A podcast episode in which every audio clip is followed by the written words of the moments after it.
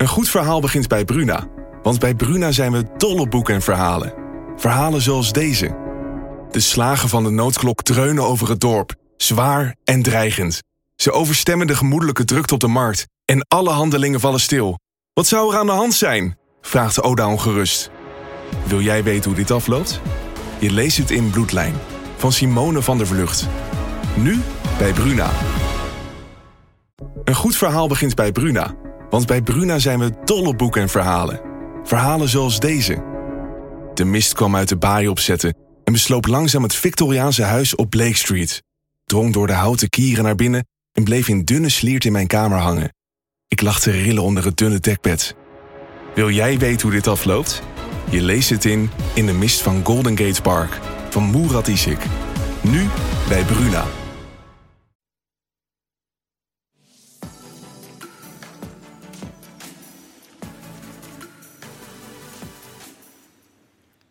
Een hele goede middag en wat leuk dat je weer kijkt naar een nieuwe Talk of the Town. Vandaag in deze show de jongens van de succesband The Vices die ondanks corona gewoon keihard aan het doorbreken zijn. Morgen is Forum weer open en dat betekent dat we eindelijk naar de bioscoop kunnen. Maar welke films moeten we zien? Gelukkig is filmprogrammeur Ruben Allersma hier en vertelt ons alles over dat filmprogramma dat klaar ligt. Uh, columnist Esser, Bram Esser is er ook weer met natuurlijk een column. En de eigenaren van Nachtclub Oost die zijn hier. En die waren toch wel de talk of the town afgelopen week. Toen bekend werd dat ze hun deuren moeten sluiten. Marcel Suininga en Menno Hazeno die zijn hier om ons alles te vertellen over Partydruk 3 MMC. Maar eerst, en ze zit al naast me, praat ik met journalist Leonie Cinema over een stukje Drenthe dat misschien straks net zo belangrijk gaat zijn als de Chinese muur en de piramides in Egypte. Dus ik zou zeggen, ga er lekker voor zitten, pak dat drankje erbij, want wij gaan beginnen.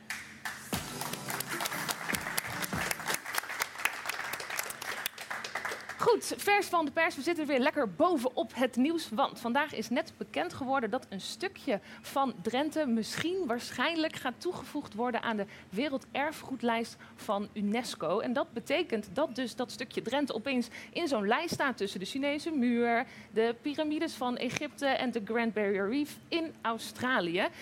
En we hebben het dan over de koloniën van weldadigheid. Leonie, wat fijn dat je er bent, want ik hoorde hiervan. Ik dacht, hè, wat? Ik snap er niks van. Allereerst, de koloniën van weldadigheid. Wat is dat? Ja, uh, als je dat zo opnoemt, dan uh, denk ik ook elke keer trouwens van... Het klinkt gewoon gek, zo'n klein stukje Drenthe tussen die klinkende namen... als de Chinese muur ja. en uh, de Great Barrier Reef. Maar toch is het echt zo. De koloniën van weldadigheid zijn een, een, een, sociaal experiment eigenlijk met behoorlijk verstrekkende gevolgen, kan je wel zeggen. Want uh, als uh, generaal Johannes van den Bos 200 jaar geleden in dat gekke stukje Drenthe uh, niet zijn kolonie had opgezet, dan hadden we hier denk ik niet zo gezeten zoals we hier nu zitten. Eigenlijk legde Johannes van den Bos daar in Drenthe de basis voor onze moderne verzorgingsstaat.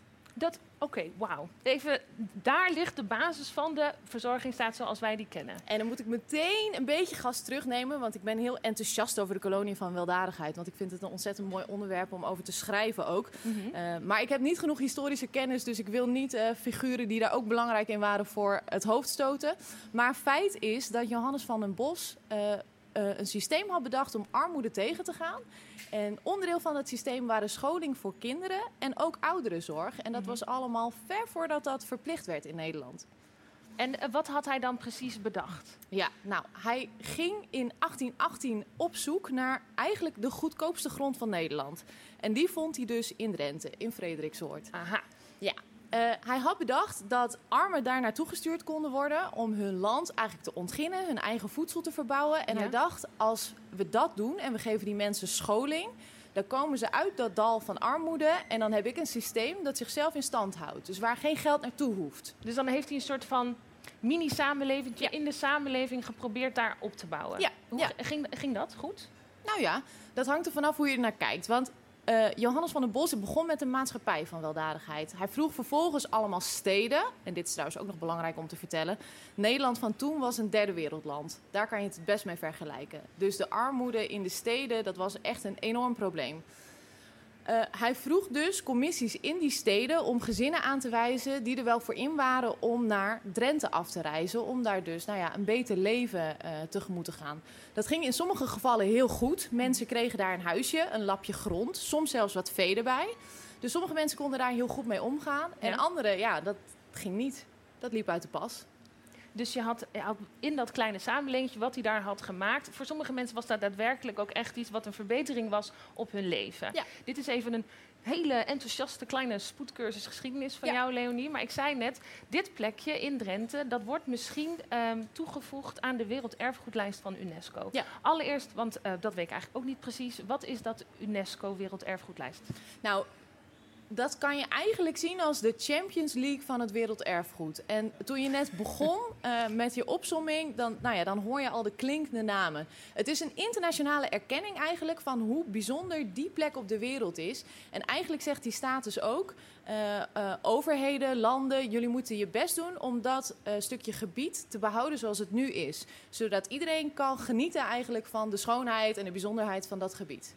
Nou, uh, zei ik net al, waarschijnlijk worden ze toegevoegd. Vandaag is bekend geworden dat ze waarschijnlijk, dus het is weer een soort halve lekkere primeur die we hebben. Ja, wat, wat, wat moet er nog gebeuren dan dat dat helemaal zeker is? De UNESCO-commissie moet deze zomer, dat gaat eind juli gebeuren, moeten ze nog definitief een klap op de plannen geven eigenlijk. Dat is in het kort waar het op neerkomt. En de voorzichtigheid die je ook terug hoort in de woorden van de Drentse gedeputeerde bijvoorbeeld, die al heel lang met die plannen bezig is, komt ook voort omdat het een internationaal dossier is. Mhm. Niet alleen in Nederland waren koloniën, maar ook in België, dat hoorde toen nog bij Nederland, zijn twee koloniën. Dus het is een, een samenwerking. En ik heb wel begrepen, de bestuurstijlen zijn soms wat anders. Nederlanders zijn wat directer. Mhm. Dus ook om de Belgen niet voor het hoofd te stoten, zijn we allemaal nog een beetje voorzichtig. Maar eigenlijk, wat we vandaag weten, is dat de laatste hobbel weg is. Oké. En dat UNESCO nu alleen nog maar hoeft te zeggen, goed idee. En stel nou, hè, dat gaat gebeuren. Wat, wat kunnen ze, we dan verwachten? Echt gewoon gigantische bussen met toeristen allemaal naar Drenthe? Ja, dat heb ik ook gevraagd aan de gedeputeerde. En die zegt, nou, ik denk dat het wel wat mee zal vallen. Want het gaat om cultuurtoerisme. Het is niet zo dat de natuur daar nou zo ontzettend bijzonder is. Je ziet vooral een systeem in de samenleving. Dus de straten zijn heel recht, de lapjes grond zijn allemaal heel recht en zo. Dus dat is cultuurtoerisme. Daarvan zegt de gedeputeerde, ik denk dat het met die bussen vol mensen wel wat meevalt. Ja. Maar ik denk wel dat dit een onderwerp is wat Drenthe en daarmee ook het noorden de komende jaren op de kaart gaat zetten. Ik denk dat we de komende jaren steeds minder vaak de vraag krijgen: wat zijn de koloniën van weldadigheid? En alle mensen die nu kijken, die weten sowieso al meteen het antwoord op, omdat jij ons even fantastisch snel en enthousiast hebt bijgepraat. Leonie, wat fijn dat je hier was. En uh, vertel ons ook even wanneer het dan helemaal rond is. Zal ik zeker doen. Dankjewel.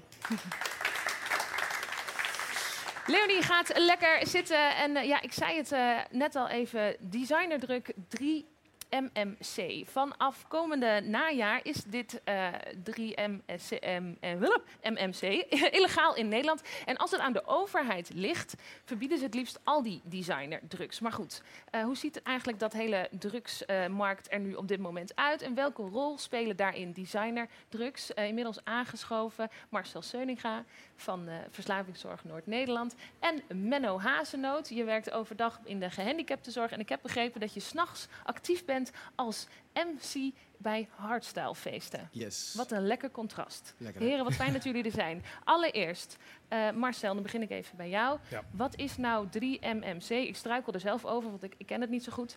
Uh, wat is het en wat doet het met je? Nou, 3MMC is eigenlijk een, een nieuwe psychoactieve stof. Het valt onder de designer drugs of research chemicals noemen we het ook wel. Het is legaal. En um, het is eigenlijk een uh, gesynthetiseerde kat. En kat uh, kennen we misschien van uh, Somalië, Ethiopië. Daar groeien die mooie struiken. En dat wordt door oh, asielzoekers ja. wel gekoud, zeg maar.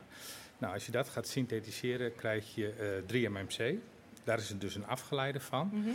En de werking, gebruikers zeggen, het zit een beetje tussen cocaïne en ecstasy in. Mm -hmm. En als we kijken naar de risico's en effecten, dan lijkt het wat een amfetamineachtige okay. speed.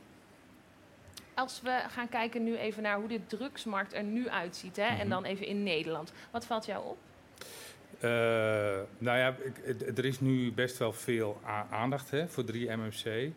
Uh, omdat dat ook met chocoladeletters in de krant heeft gestaan natuurlijk.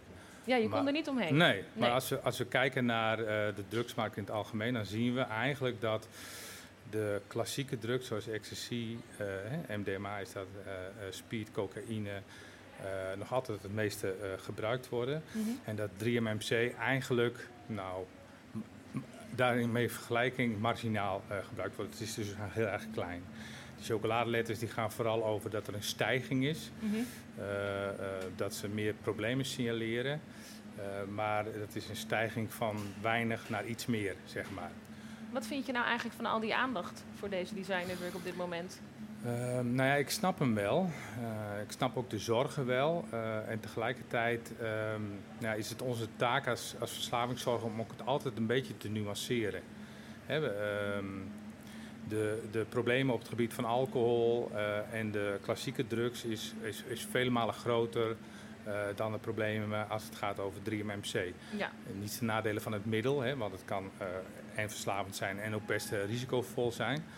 Maar als het gaat over aandacht, dan denken we van ja, de, de, de meest klassieke middelen worden nog altijd het allermeeste gebruikt. Zijn dat ook de klassieke middelen, dat zijn op dit moment ook dan de populairste? Ja. En dan hebben we het over cocaïne, ecstasy. Kijk, als je, als je heel sec kijkt en je kijkt naar de definitie van de Wereldgezondheidsorganisatie, die, zijn, die zegt drugs zijn alle middelen die op een of andere manier van invloed zijn op ons bewustzijn. Ja. Nou ja, dan uh, uh, wordt het meeste, en zien we ook de meeste problemen, de meeste verslaving met roken, tabak. Ja.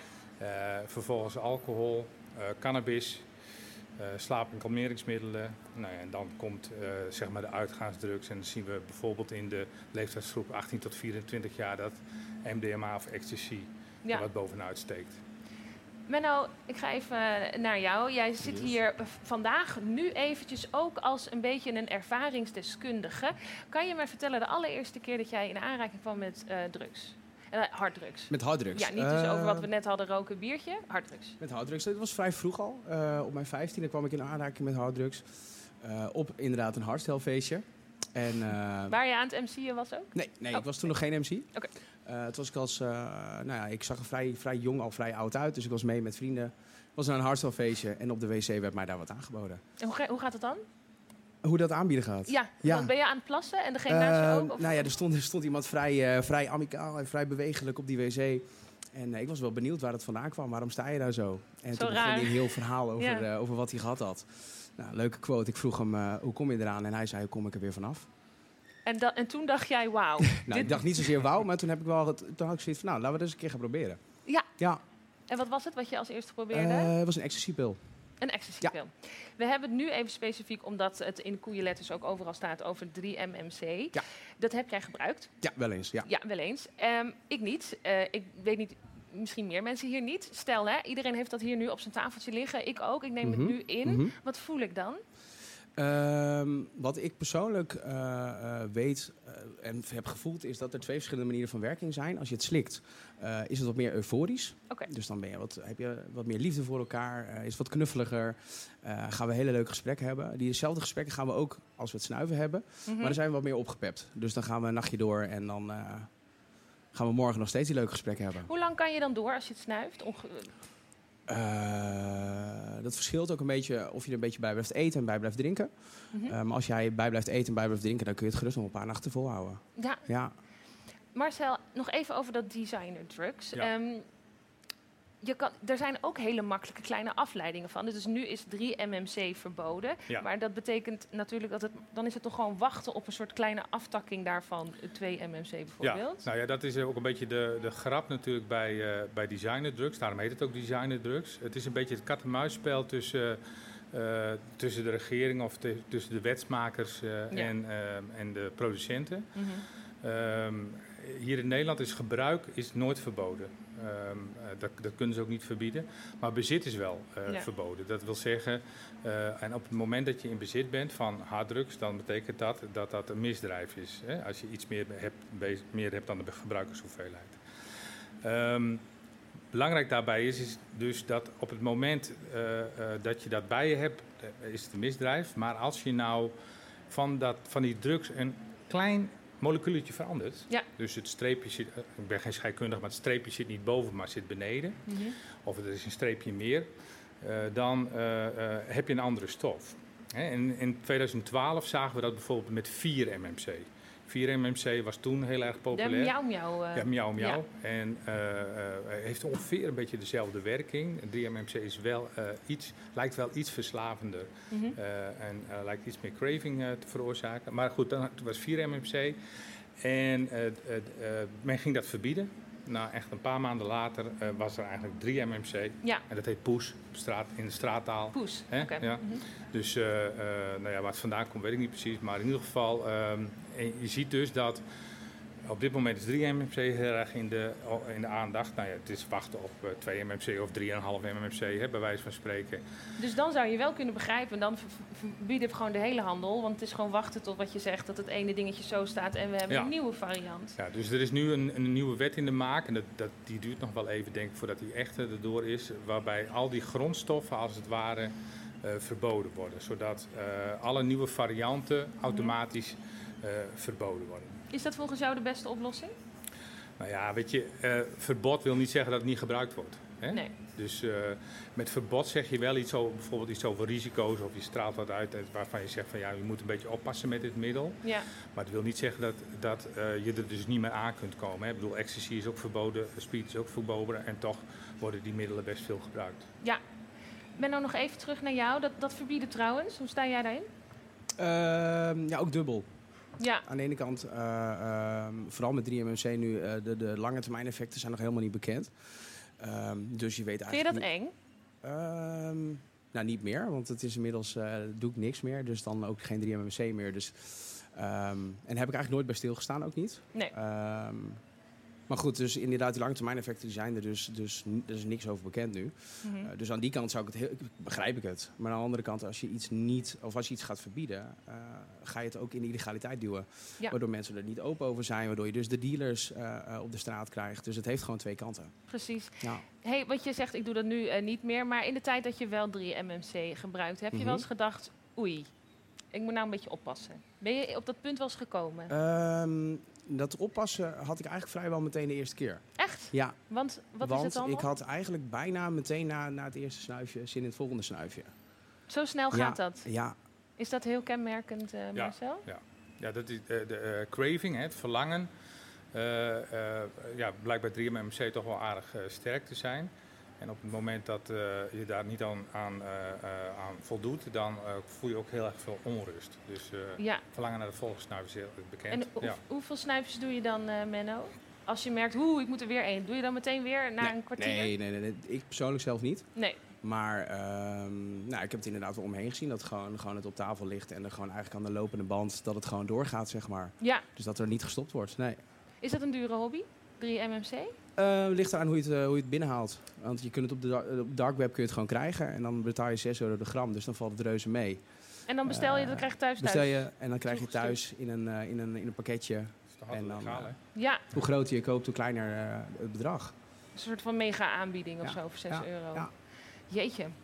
Ik wil jullie heel erg bedanken, want de tijd zit er alweer op. Dat we toch even wat meer weten over 3 MMC. En ik zou zeggen, neem je drankje lekker mee en geniet nog even van de show. Menno, Marcel, bedankt. Yes. En uh, we gaan van 3 MMC naar onze columnist Bram Esser. Ik ben uh, heel benieuwd, uh, Bram, die komt er aanlopen. Wat gebruik jij zoal? Koffie. Koffie? En alleen maar koffie? Oh, je microfoon meteen. Ja, ik heb wel een tijdje geprobeerd te microdosen met, met paddo's. Alleen is het dan heel moeilijk om de dosering uh, goed te krijgen. En dan loop je op een gegeven moment helemaal... Was het toch niet meer zo'n micro? Nee, want je denkt, ik wil dan lekker kunnen werken. Maar... ja. Maakt dus het werk dus misschien daar moet wel... je mee oppassen. Ja. Nou, waarom heb ik wel begrepen dat je toch wel in een soort van verslaving bent gerold nu? Is dat zo? Ja. Oh ja. Ja, ik, ik hint naar je column. ja, nou ja, ja. Ja, nee, precies. Dat zou je kunnen denken, ja. Ja. Misschien is dat zo. Ik ben heel benieuwd. Ja.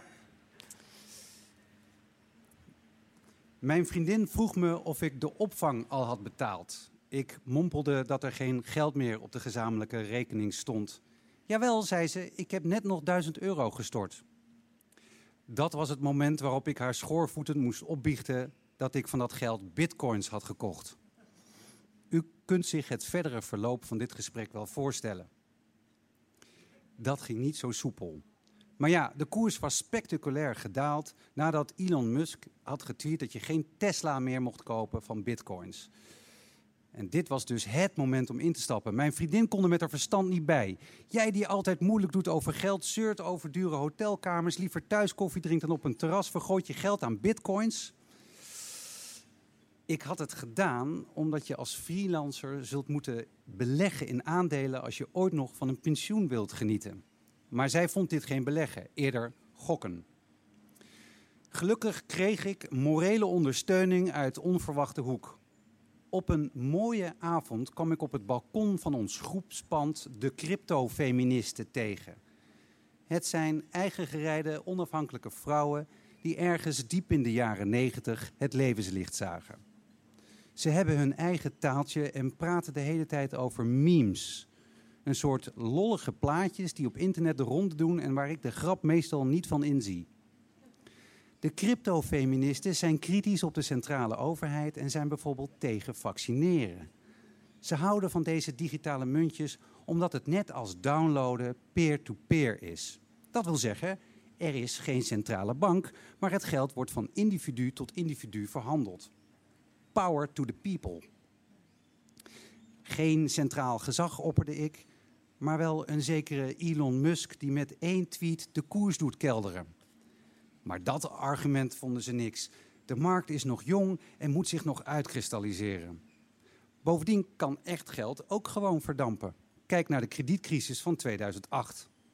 Op aanraden van de crypto-feministen heb ik nu mijn portefeuille, zoals dat heet, uitgebreid naar alternatieven voor Bitcoin, de zogenaamde altcoins. Ik zit nu voor meer dan 4000 euro in de Cardano, Ethereum en Chainlink. Mijn eigen vriendin is nog niet overtuigd. Ze denkt echt dat ik gek geworden ben. Als jij ergens instapt, is dat voor de rest van de wereld een teken dat het voorbij is. Ik ken niemand met zo weinig zakelijk instinct als jij. Touché. Gelukkig heb ik nu mijn crypto-feministen, waar ik terecht kan voor warmte en genegenheid. Ik heb zelfs een meme gemaakt om bij ze in de smaak te vallen. Het is een plaatje van Jezus Christus die van het kruis springt met de tekst Me buying crypto. Ze gaven me vele duimpjes en klaphandjes. Nu ik ook nog eens gevaccineerd ben afgelopen dinsdag, is wat mij betreft de toekomst echt begonnen. Maar niet doorvertellen aan de crypto-feministen, hè? Anders ben ik die straks ook nog kwijt. Van alternative coins naar alternative facts is soms maar een kleine stap. Maar ja, het vaccin was gratis en daar ben ik nou eenmaal erg gevoelig voor. Dank u wel. Dankjewel, Bram. Ik ben uh, heel benieuwd hoe Brams uh, crypto-avontuur afloopt. Mocht je nou denken, hey, zo'n column voordragen, dat wil ik ook. Dat kan en dat kan bij de volgende uitzending al. Het enige wat je moet doen is een column opsturen. Uh, eigenlijk liefst nog dit weekend voor komende dinsdag. En wie weet sta je dan achter die felbegeerde Mike hier bij Talk of the Town. En inmiddels bij mij aangeschoven is Ruben Alleswaar. Ruben, hallo. Ik zei het al even. Morgen is Forum eindelijk open dat betekent, we mogen de bioscoop weer in. Klopt. Maar veel mensen met mij hebben eigenlijk helemaal geen idee naar welke film we moeten gaan. Dus ik ben heel blij dat je er bent. Allereerst kan ik me voorstellen dat veel mensen denken, wat een droombaan uh, heeft die Ruben. Klopt. Hoe word je nou filmprogrammeur? Ja, uh, ik denk een beetje doorzettingsvermogen en, uh, en geluk. Maar eh, je moet van film houden, uiteraard. En ik heb um, kunst en cultuur media gestudeerd. Ik uh, um, had niet zoveel talent voor het maken van film. En, um, heb je dat wel geprobeerd? Heb ik wel geprobeerd. En daar ben ik snel weer mee opgehouden. Uh, ik vond het wel leuk om, te, om na te denken over film en te schrijven over film. En uh, ik ben voor tijdschriftjes gaan schrijven en voor dagkranten van filmfestivals. Mm -hmm. En ik ben programmeur geworden bij Vera, bij Vera Cinema. Het kleine filmhuisje van het poppodium. Ja. En um, ik werkte al uh, sinds 2010 bij Forum Images. En daar ben ik begonnen als, als uh, operateur in het 35 mm tijdperk, knippen en plakken als bijbaantje. Oh, wow. Deed ik dat van die filmrollen. Ja. En, um, ja, en ik keek altijd heel erg op tegen die twee mannen die daar zaten, die verantwoordelijk waren voor het filmprogramma. En um, ik dacht, dat wil ik gewoon. Maar ja, toen moest ik uh, nog flink wat jaartjes wachten voordat er één met pensioen ging. Ja, toen heb ik die kans gegeven. wat fijn dat je zo geduldig bent geweest al, Ruben. Even voor uh, iedereen, wat, wat doe je dan als filmprogrammeur? Ja, als filmprogrammeur ben je De hele dag films kijken, denk ik, maar dat is vast niet zo. Nou ja, dat, dat, je moet sowieso veel films kijken, maar je bent mhm. verantwoordelijk voor de samenstelling van het filmprogramma, van de bioscoop, van het filmtheater in ons geval. Mm En uh, je bepaalt uh, hoe vaak een film draait, op welke dag een film draait, hoe lang een film draait en hoe laat een film draait. Mm -hmm. En um, ja, dat, dat is het eigenlijk. En, hoe kies je nou dan een film? Want dat doe je dus hier voor Forum. Wanneer denk je, oh ja, oké, die gaan we doen? Nou ja, wij zijn natuurlijk een, filmtheater, dus we hebben het, uh, een kwalitatief arthouse aanbod. Mm -hmm. Dat staat voorop. En um, ja, een film moet gewoon goed zijn, uiteraard. En uh, je wil films vertonen waar voor mensen het leuk vinden om bij ons naar de bioscoop te komen. En het, de beste situatie is natuurlijk een combinatie. Dat je en een goede film hebt, waar ook heel veel mensen voor naar de bioscoop willen komen. Ga je dan ook naar van die uh, glamour fancy filmfestivals om alvast dingen te bekijken? Ja, dat hoort erbij. En is het dan echt dat je denkt, oh, Reese Witherspoon, oh, Kate Winslet, hey Ruben, op zo'n op zo'n carpet? Nee, ze kennen mijn naam niet, in, in nee? ieder geval, maar... Um, nee, maar Nog ik, niet? ik ben in 2019 voor het eerst naar Cannes geweest. Oké. En dat was echt een jongensdroom, dat was echt geweldig, maar... Um, Nee, het is niet dat je, dat je champagne met Leonardo DiCaprio drinkt uh, de hele nacht door, zeg maar. Maar wat doe je dan wel? Nou ja, je kijkt vooral veel films. Een, een collega die um, um, uit het land, die had ooit tegen mij gezegd van... ja, kan is echt wel heel hard werken. Mm -hmm. Ik zou heel hard werken, wat bedoel je joh? Maar toen, toen ik daar was, toen begreep ik wat hij bedoelt. Want je, ja, je gaat erheen voor je werk en je moet 40, 50 films kijken. 40 tot 50? In, in, in, in 10 dagen tijd. Okay. Um, ja, want die komen allemaal de komende uh, half jaar gaan die uitkomen. En ik moet weten of het, wat het is. Ik moet het kunnen beoordelen. Ik moet alvast nadenken over hoe we dat, of we dat en hoe we dat gaan inzetten. Ja. Maar om dat te halen moet je zo'n uh, vier tot vijf films per dag kijken. En in Cannes is het zo dat je uh, voor bijna alle films minimaal drie kwartier tot soms wel twee, drie uur in de rij moet staan. Voordat je de film in Voordat kan? je de film in kan. En dan kom je, is de kans dat je niet binnenkomt ook nog best wel groot. Dus het is best wel stressen om... Uh, je bent de hele tijd aan het rennen en in de rij aan het staan. En, um, er gaat maar een hele glamourbeeld in kan is er een soort ongeschreven ja. regel dat als je iemand kent... dat je dan daarbij mag staan in de rij. En? En dat is... Alle Nederlanders kennen elkaar natuurlijk daar. Dus het is heel fijn als jij aankomt rennen en er staat een mega rij... en op, op één kwart staat iemand die je kent, dan ga je mm -hmm. erbij staan. Maar als jij zelf wel een uur in de rij staat... je ziet de hele tijd voor jou mensen aanschuiven in die rij... en een half, uh, vijf minuten, of tenminste vijf meter voor dat je er bent, um, gaat het hek dicht, dan baal je wel flink. Ja, ik zou gewoon denk ik doen alsof ik iemand ken.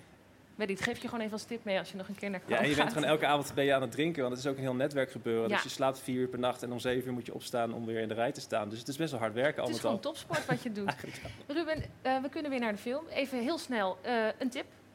Gewoon een toffe film die binnenkort hier te zien is. Ja, Nomadland. Nomadland. Die, moet, die draaien we vanaf morgen. De grote Oscar-winnaar die uh, zou al heel lang geleden uitkomen in de bioscoop. Die ja. kreeg corona over zich heen, net zoals wij allemaal. Maar die film die heeft op de plank gelegen heel lang. Die komt nu eindelijk uh, op het grote doek waar die hoort. Wat fijn. Uh, je moet naar de Oost, sowieso. Um, een soort Nederlandse Apocalypse Now. Ja. Oogstrelend geschoten. Echt super indrukwekkende, indrukwekkende film. En je moet naar Promising Young Women.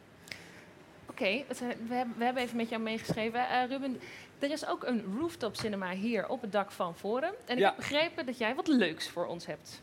Ja, ik mag twee vrijkaarten weggeven voor de allereerste. En wanneer is dat? 30 juni. Op 30 juni? Dan openen we met de Fargo. Die wordt okay. 25 jaar dit, uh, dit jaar.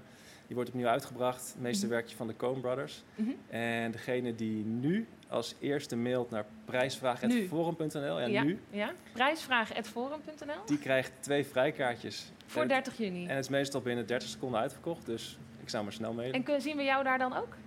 Sowieso. Dan kan je ook even oefenen met gewoon doen, iemand kennen en er dan naartoe lopen. Ja. Ruben, heel erg fijn dat je er was. Dank je. Graag gedaan. Goed. Wie denkt aan het nachtleven van Groningen, denkt al snel aan Oost. Nachtclub Oost is een begrip en lang niet alleen hier in Groningen. Uh, Vice noemde ze al de nat droom van elke clubber. En daarom kwam het nieuws behoorlijk hard aan dat uh, Oost zijn deuren moet sluiten. Eigenaren Bram en Jorne zitten hier. Fijn dat jullie er zijn. Nou, eerst eventjes Bram. Hoe reageerde jullie omgeving op het nieuws? Um, Want wanneer kwam het naar buiten? Afgelopen dinsdag. Afgelopen dinsdag, ja. ja. Nee, we, we, hebben wel heel veel uh, steunbetuigingen uh, gekregen en veel mensen die wel geschrokken reageerden. hebben wel gewoon heel veel vrienden, betrokkenen, DJ's, mensen die dicht bij de club staan, hadden wel ingelicht en hebben gebeld. Mhm. Dus de, de vaste crew wist er al van. Maar volgens mij viel het, kwam het nog wel redelijk aan als een bom. Als ja. ik, Was dat bij jou ook zo, Jorn? ja, dat was, dat was helemaal hetzelfde. Um, ik had met een echt goede vrienden had ik al wat eerder ingelicht dan uh, afgelopen dinsdag. Maar vanuit alle hoeken en uh, gaten kwamen steunbetuigingen, lieve berichtjes. Ja, dat moet dan toch ook wel fijn zijn, denk ik. Absoluut. Ja, ja. ja dat voelt wel goed, zeker. Ja. Even terug naar het begin. 2016 begon Oost. Waarom wilden jullie een nachtclub?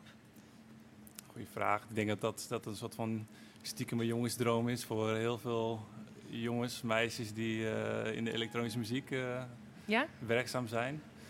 Ja, dat was het wel. We deden voorheen ook wel wat evenementen en nou, dit kwam heel toevallig voorbij. En het voelde wel als een soort van hele speciale optie, kans om te doen.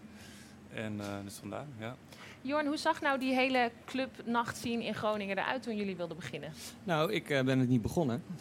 ik ben uh, in 2017 er pas bijgekomen. Uh, oh, dus niet vanaf het allereerste nee, moment? Nee, ik ben een, eh, een jaar later ben ik ingestroomd. Um, Rob van den Ham, die is het begonnen samen met Bram. maar hoe het eruit zag, ja, we hadden, er waren een paar plekken. Je had de Subsonic, je had Pand 48, Paradigm. En um, daar draaiden wij zelf uh, altijd wel een beetje. Paradigm niet echt. Uh, die hadden wel echt een eigen, een eigen jongens in de stal, om het zo maar te zeggen. Mm -hmm. um, en Pand 48 viel toen op een gegeven moment weg. En de Subsonic die hield ermee op. En toen merkte je wel dat er echt in het, in het nachtleven van de stad een gat viel. En hadden jullie, je hebt dat gat geconstateerd, hadden jullie toen meteen al een, een soort van visioen of een helder concept met oké, dit willen we doen?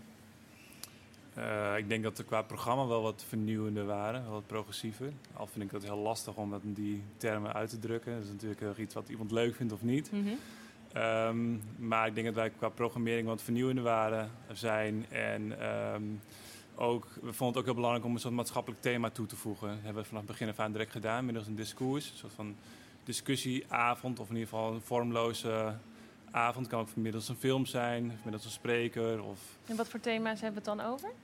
Um, ons eerste thema was volgens mij, um, we hebben het over seks gehad volgens mij. We hebben het over Groningen en Amsterdam gehad als werkveld. Dus heel ja. veel jonge mensen die natuurlijk naar de Randstad reizen voor werk. En of het eigenlijk uit kan en waarom. En wat de beweegredenen zijn. Uh, internationals, dus waarom heel veel internationals Groningen opzoeken. Ja. Uh, en wat die internationals Groningen ook kunnen bieden. Um, dat zijn de thema's die ik zou mogen. Dus je had themaavond, die willen maatschappelijk zijn, uh, progressieve uh, ja, programmering ja. hoor ik. Toen, nou ja, is natuurlijk corona geweest, Jorn. Uh, corona en het hebben van een nachtclub, hoe dramatisch was dit? Ja, dat gaat niet samen. Nee. Ehm, nee, we zijn nu, we zien 13 maart, hebben we de laatste clubnacht gehad. Toen, daarna zijn we gesloten. maar dan, dan heb je toch eigenlijk ook nog wel weer lang volgehouden, denk ik dan?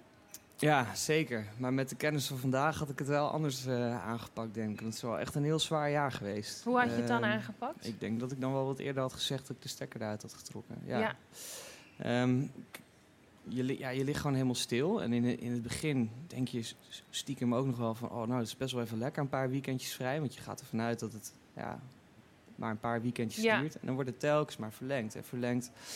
Um, je probeert nog wel een binding te houden met je community best lastig. Ja. Dan ga je nog allemaal dingen organiseren zoals livestreams, heel intensief. Um, maar ja, dat, het, het, kost allemaal geld en het, ja, het, levert, het levert niet zo heel veel op. Dus. Kunnen we dan nu ook zeggen, Bram, dat die stekker er definitief uit is?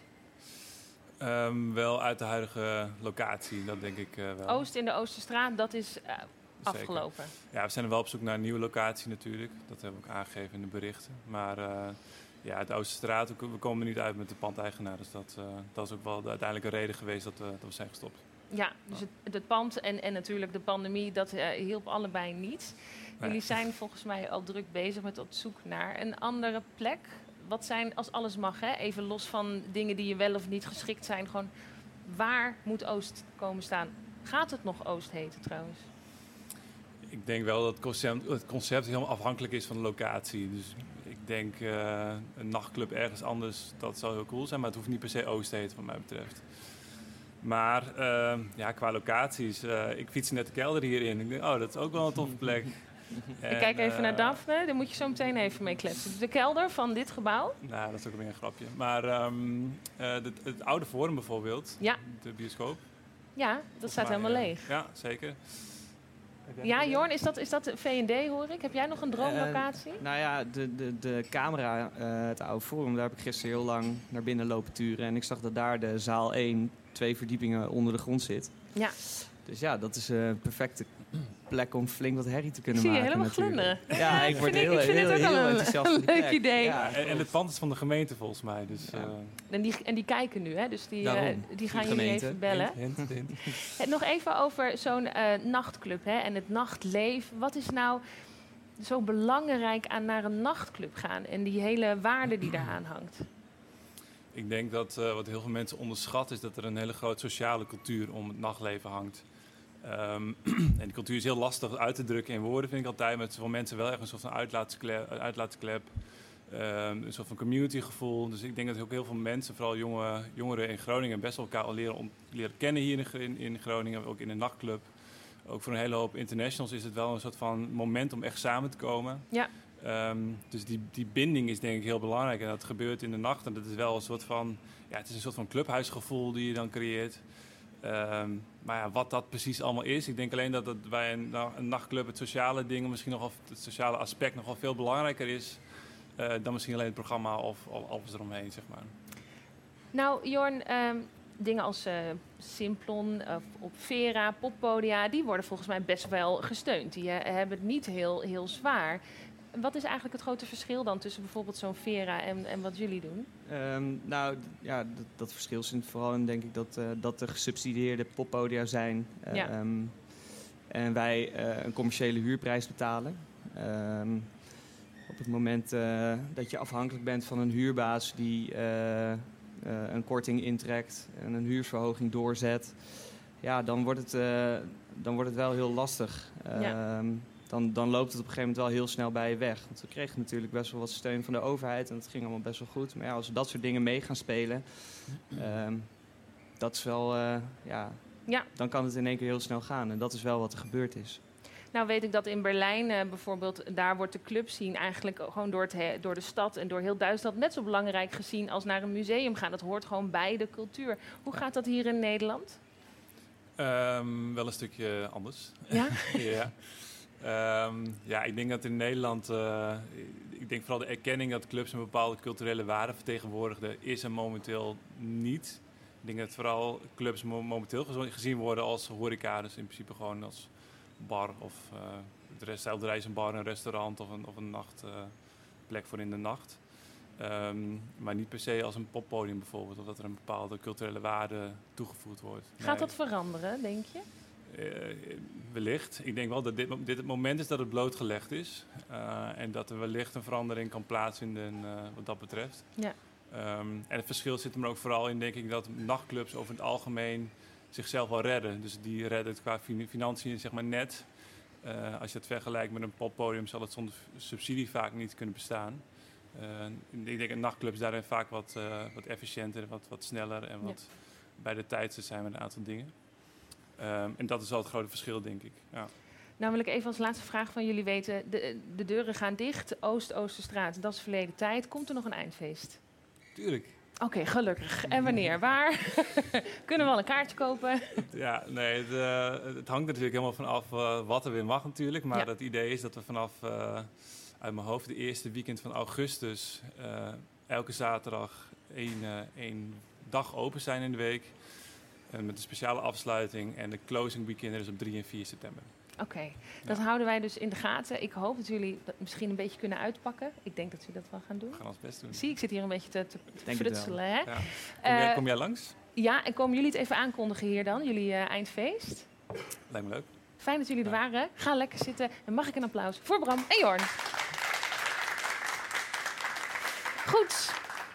Doorbreken met je band terwijl je in een pandemie zit. De Groningse band The Vices die hebben dit gewoon voor elkaar gekregen. Die zijn eigenlijk niet meer weg te denken uit de Nederlandse muziekscene. Ze stonden al op Noorderslag, op Bevrijdingsfestival, Eurosonic. En bij de 3FM Awards hebben ze het voor elkaar gekregen om een hele zaal te laten schreeuwen en dansen. En ze zijn hier. Heren, jullie mogen gewoon lekker bij me komen zitten hoor. Ja, we hebben hallo Simon en Jonathan. Yes, hi. En dan Jonathan, jij bent de gitarist van The Vices. Simon, bassist van The Vices. Met hoeveel zijn jullie in totaal? In totaal met z'n viertjes. En waar zijn de andere twee?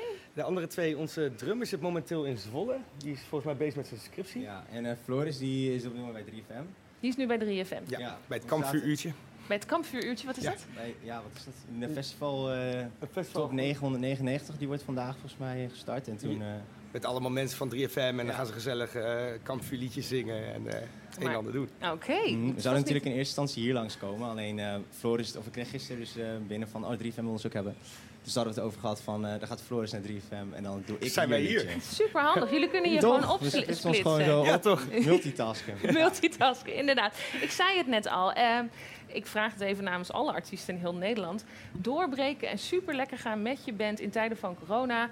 Hoe doe je dat? Gewoon lekker doorgaan. Ja, dat is heel mooi. lekker doen wat je leuk vindt. Ja, ik weet niet, we hebben sowieso onze frontman Floris is erg, uh, erg ambitieus. Dus die, uh, die gaat altijd lekker door. Lekker ADHD, altijd springen van hut naar her. En zo zijn we als hele band zijn we wel van, ja, we bedenken wat om te doen. En we plegen belletjes totdat het lukt. Maar ja. wat, wat bedenken maar jullie dan? Het brengt ook juist heel veel kansen. Ik bedoel, ja, corona is echt fucking kut. Ja. Alleen, um, daardoor um, krijg je ook wel weer kans om nieuwe dingen te doen. Ten eerste heb je super veel tijd, want we wilden een album opnemen, dat is toen gelukt. Ja. Uh, er konden veel meer tijd in stoppen, waardoor het beter is geworden. Um, de stad Schouwburg stond leeg um, en die is normaal drie jaar vooruit volgeboekt. Dus Ja. we hebben gevraagd van, uh, kunnen we daar een keer wat opnemen? Dat mocht, want zij waren natuurlijk ook niks aan het doen, dus zij waren super hyped. Mhm. Um, Ja, wat dus ja, dat soort dingen, livestreams. We hebben een, nieuw, een biertje gemaakt, een boot. Jullie hebben bier gemaakt? Hè? hebben Ja. ja. een biertje met, samen met, Met Martinez. Martinez. Het in-en-out biertje gemaakt voor onze nieuwe single. Het in- en out biertje. Ja, Als ja. in, dit gaat er heel snel in en... Oh nee, Ja, het zo is weer out. Naam van onze single. En heel snel uit. Nee, dat hoop ik niet. Oh, oh. Ik hoop de kant dan. Oké, dus jullie zeggen ja, het is uh, hartstikke kut, uh, maar we hebben er gewoon wat van gemaakt. En misschien uh, wel misschien een betere plaat gemaakt dan anders, omdat je de Zeker. rust hebt en de tijd hebt. De tijd. We hadden Ja. meer tijd om te schrijven en om meer tijd om in de studio te zitten. Dat was heel leuk. Ja, En natuurlijk Vicefest. Niet te vergeten. Ja, wat- Vicefest. Wat is dat? Ja, we, we hadden het plan om een, eh, een festival te organiseren. En dan een dagje met, eh, met de Vices, wat er in ons hoofd omgaat. Om dat in een festival te proppen. Oké. En we zouden het eerst om een klein... Veel, denk ik, gaat er om in jullie Ja, heel veel. Ja. Iedereen ADHD of ADD, dus dat is echt eh, van hut naar her. Ja. En eh, ja, onze, we hadden het eerst weer een kleinere venue, maar door, door corona konden we het uiteindelijk in de Oosterpoort doen. Ja, Nou ja, voor 300 man. Tijdens corona, super vet. ja oké. Ja, nee, jullie hebben gewoon helemaal gelijk. Dat- ik, nu snap ik een beetje hoe dat werkt. Ehm, ik zei net al even 3FM. Daar zijn jullie eh, graag gezien. Jullie zijn 3FM Talent. Wat doet dat met zo'n band als voor jullie? Ehm, nou ja, toen wij... ehm, ik- wij werden 3 van Talent tijdens corona. Ehm, dus we konden toen niet, eh niet langskomen. We, konden, we moesten toen thuis, even bij Floris thuis hebben we toen... eh, het was net na de single Boy was dat, eh, was dat gebeurd. Dus toen eh, kwam er een eh, geluidstechnicus kwam bij Floris thuis op zijn studentenkamer. En toen hebben we daar eh, live gespeeld op de radio. Ehm, en- maar ja, zij, het is nog steeds... ehm, ja, ze helpen ons enorm. Ze zijn nog steeds super actief. En, en ook dus dat, dat we daarna genomineerd waren voor een Dream Fam Award voor Best Talent. Dat was eh, natuurlijk ook sick. En al helemaal dat het een Field Lab evenement werd. Dus dat we weer voor duizend man mochten spelen na anderhalf 1500. jaar. eh, dat niet mogen doen. Ja, Ja, dat was, dat was zo onwerkelijk. Ik denk van op het moment dat, dat alles weer mag en het gaat weer open, dat wordt de allergekste gekste zomer van ons leven, denk ik. Want Allemaal vreemde moment- kopjes in het publiek. Dat- Ja. dat- oh, dat Ja. weer. en dan oh. En uiteindelijk- eh, ADHD-jongens ja, op het we zijn nog gaan stage dive aan het einde. Ja, geweldig. We waren er niet heel blij mee, want je mocht je bubbel niet doorbreken. Maar Dat deden wij wel. Ja, we sprongen echt vol het publiek in. Dat was echt, dat was fucking Maar ik vind het wel trouwens een heel leuk bruggetje, want we hebben een kleine verrassing, een lieve boodschap voor jullie. Het enige wat jullie hoeven doen is even naar het scherm kijken. Oh, echt? Ik kan het niet heel goed zien. Ik kom heel even daar staan. Hallo lieve Vices, we zijn heel blij met jullie, heel trots op jullie. Daarom natuurlijk ook uit 3FM Talent. En we willen jullie heel veel plezier wensen vandaag. En heel veel liefde vanuit 3FM geven. Wat hard. Wat Nou. Wat leuk, wat hard. Als Frank en Eva even een berichtje sturen omdat jullie hier zitten, dan zit volgens mij wel goed. Dan zit, dan zit het wel goed daar. Ja, toch? Dat is echt lief. Hey, uh, jullie gaan uh, niet als gehele band, maar Jonathan, jij gaat het vandaag doen. Jij gaat een Ja. nummer voor ons spelen. Welk Mhm. nummer ga je doen? Ik ga Older Than No spelen. Het is het laatste nummer van eh, ons nieuwe album, eh, The Looking for Faces. Mhm. En normaal gesproken zingt Floris, dat wil ik heel even duidelijk vermelden. Ik zing hem al niet. Eh, alleen, ehm Hij doet het ja, hartstikke goed. bij 3FM nogmaals, dus ik ga dat nu vandaag doen. Ehm, en ook zonder band, dus eh, in mijn eentje met gitaar. Dus we hebben hier eigenlijk gewoon een primeurtje.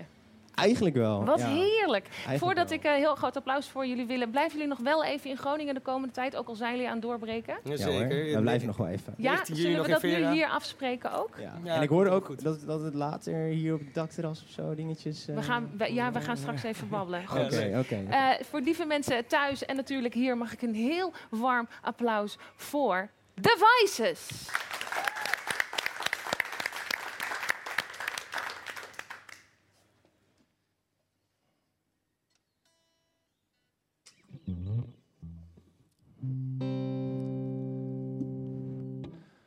Tiny hearts and vacant dreams, where do they all go? And where they're born to begin with.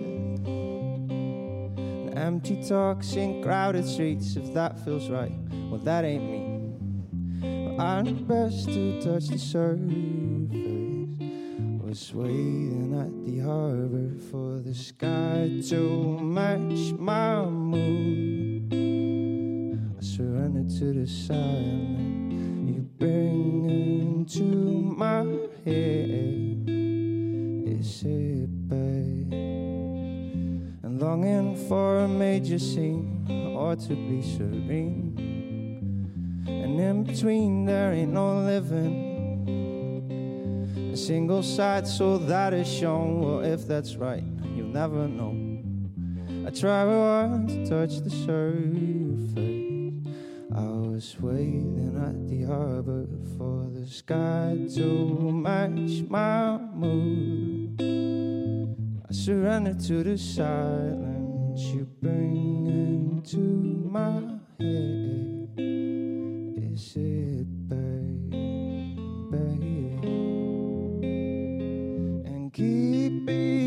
Other in town. No need to go, but that's all I know. And trying to figure it out, guess time will show, but that's all I know.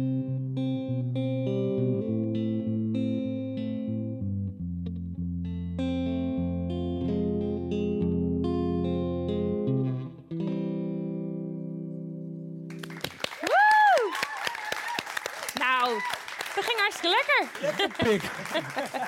Gang, gang. Goed, eh, lieve mensen, dit was Talk of the Town voor deze week. Geniet van het heerlijke weekend en van het heerlijke weer. Wij zijn volgende week weer terug. Tot dan!